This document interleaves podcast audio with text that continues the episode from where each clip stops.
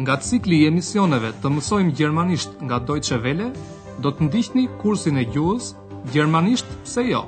Deutsch, warum nicht? Të përgatitur nga Herrad Meese.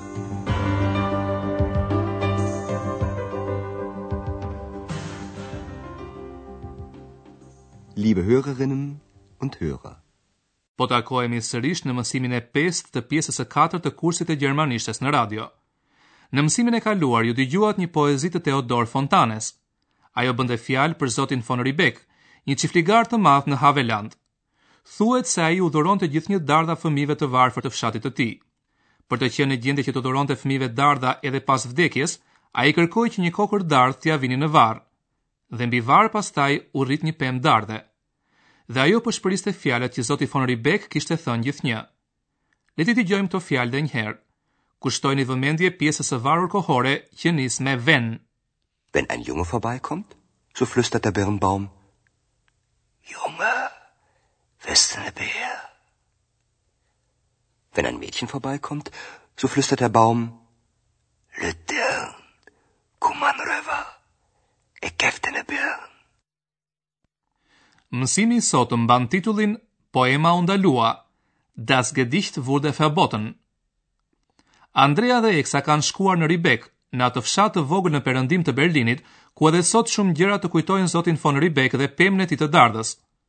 Andrea ka njohur një të moshuar në fshat, i cili i ka treguar disa kuriozitete, si për shembull që pema e vjetër, e cila ndodhej pranë një kishe, u shkatërrua nga një stuhi, Sturm.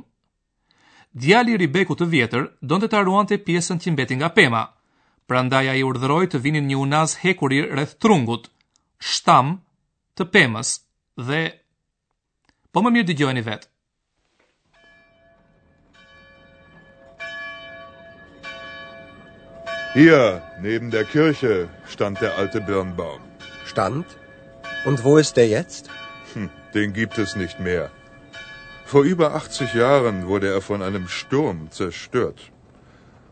Der Sohn vom alten Ribbeck ließ um den Stamm einen Ring aus Eisen legen und stellte ihn in seinem Schloss auf.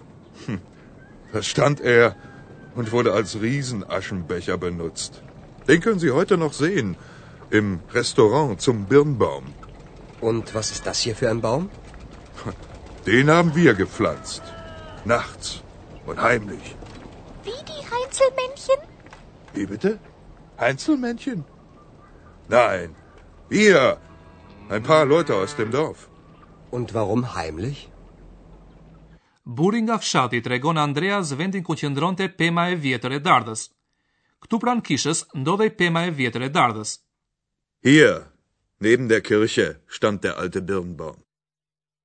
Por pema u shkatërrua nga një stuhi dhe kjo ndodhi në vitin 1911. Para më shumë se 80 vjetësh, ajo u shkatërrua nga një stuhi. Vor über 80 Jahren wurde er von einem Sturm zerstört.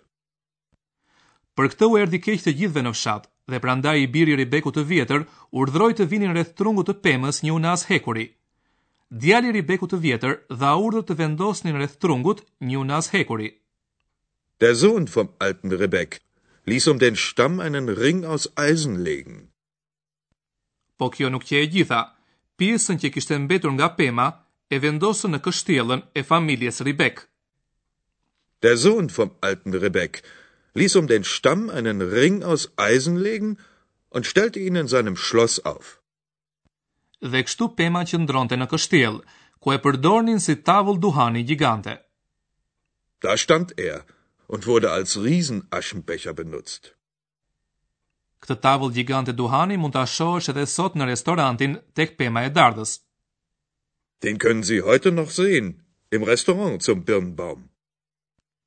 Andrea pyet për pemën e cila ndodhet në të njëjtin vend ku ndodhej pema e vjetër.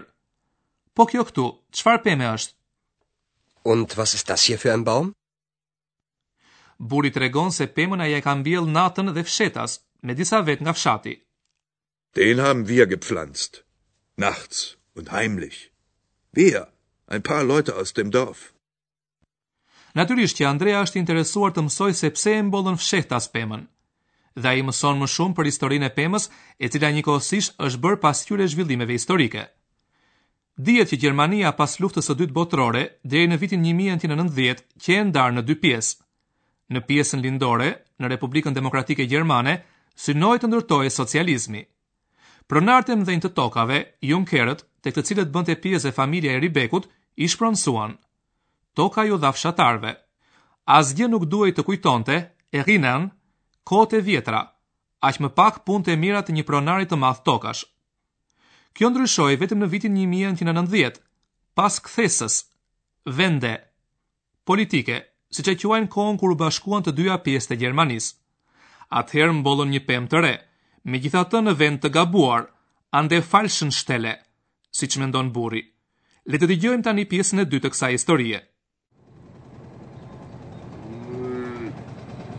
Und warum heimlich? Na hören Sie mal. Im Sozialismus brauchte man keine Junker mehr. Sie wissen doch, Junkerland in Bauernhand. Das Land wurde enteignet und den Bauern gegeben. Nichts sollte mehr an die alten Zeiten erinnern. Nichts sollte mehr an den alten Ribbeck erinnern. Kein Baum und kein Gedicht.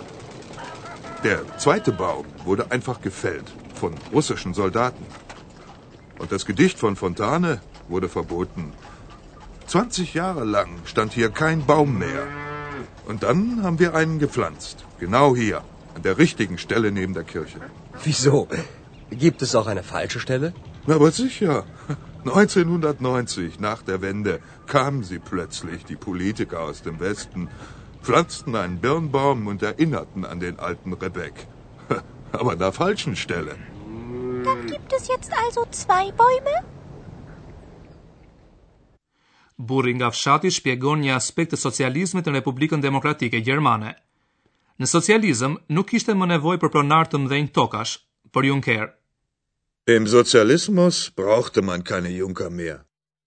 Ai kujton një parullë të vitit një mijë e nëntëqind e dyzet e shtatë, kur në Republikën Demokratike Gjermane filloi ndërtimi i socializmit, Tokën e Junkerëve në duar fshatarëve. Junkerland in Bauernhand. Kjo donte të thoshte që toka iu mor pronarëve të mëdhenj, u nda dhe iu dha fshatarëve për ta punuar dhe administruar. Toka ndërroi pronësinë dhe iu dha fshatarëve. Das Land wurde enteignet und den Bauern gegeben.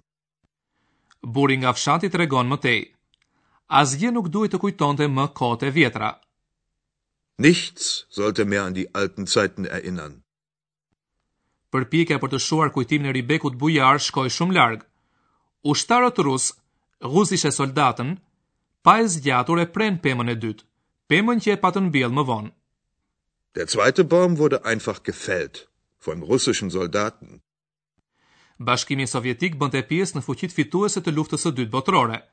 Ai kontrollonte Gjermaninë Lindore dhe kishte ndikim të fortë në Republikën Demokratike Gjermane. Dhe kështu, në kohën e Republikës Demokratike Gjermane, poemën e Fontanes e ndaluan. Und das Gedicht von Fontane wurde verboten. Për 20 vjet me radhë, vendi ku ndodhej pema e vjetër e dardhës qëndroi bosh. 20 Jahre lang stand hier kein Baum mehr.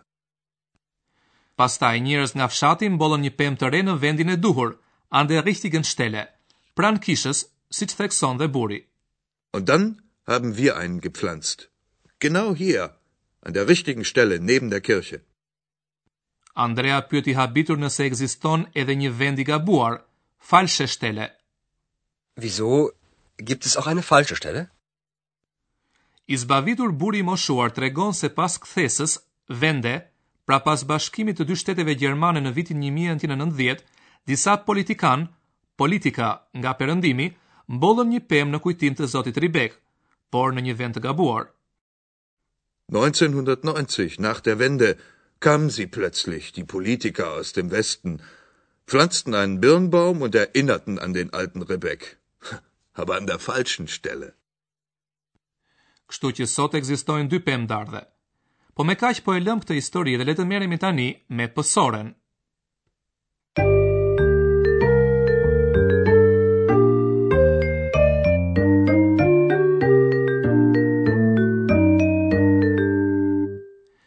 Një veprim mund të përshkruhet në formën veprore ose në formën pësore.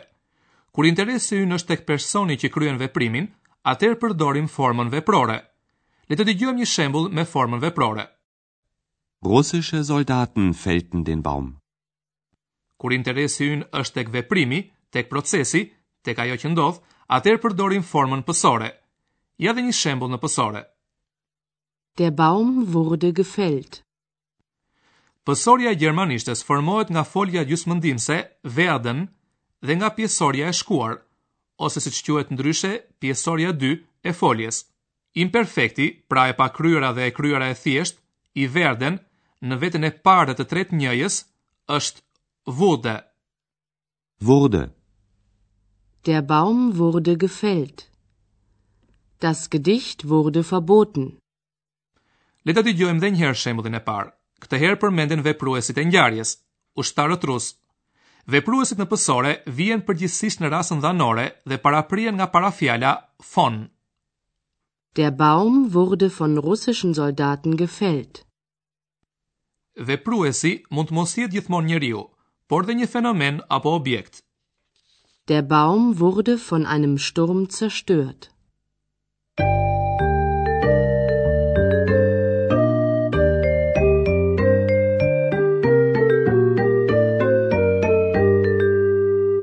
Le t'i dëgjojmë edhe një herë dialogët.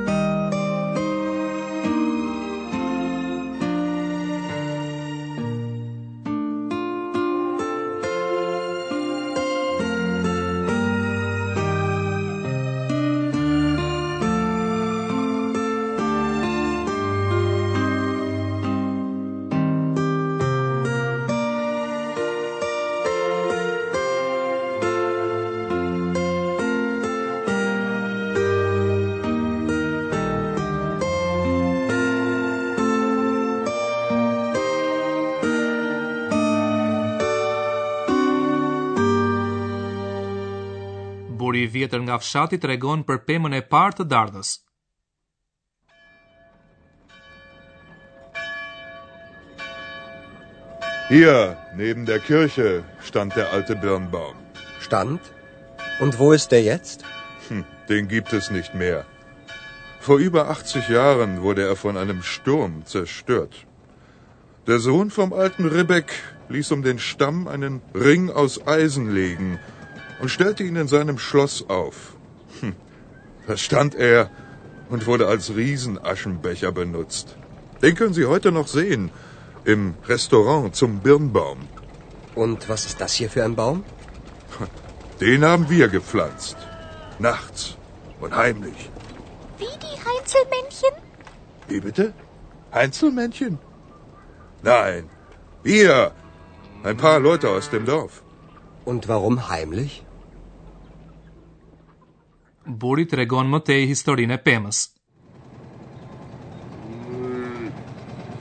Und warum heimlich? Na hören Sie mal. Im Sozialismus brauchte man keine Junker mehr. Sie wissen doch, Junkerland in Bauernhand. Das Land wurde enteignet und den Bauern gegeben. Nichts sollte mehr an die alten Zeiten erinnern. Nichts sollte mir an den alten Ribbeck erinnern. Kein Baum und kein Gedicht. Der zweite Baum wurde einfach gefällt von russischen Soldaten. Und das Gedicht von Fontane wurde verboten. 20 Jahre lang stand hier kein Baum mehr. Und dann haben wir einen gepflanzt. Genau hier, an der richtigen Stelle neben der Kirche. Wieso? Gibt es auch eine falsche Stelle? Na, aber sicher. 1990, nach der Wende, kamen sie plötzlich, die Politiker aus dem Westen, pflanzten einen Birnbaum und erinnerten an den alten Rebek. Aber an der falschen Stelle. Dann gibt es jetzt also zwei Bäume? Kjo ishte e gjitha për sot. Herën tjetër do të mësoni për fatet e njerëzve të ndryshëm pas ribashkimit të Gjermanisë. Deri atëherë, mirudëgjofshim. Ndoqët kursin e gjuhës, gjermanisht, pse jo, Deutsch, warum nicht? Prodhim i Deutsche Welles në bashkëpunim me Institutin Goethe.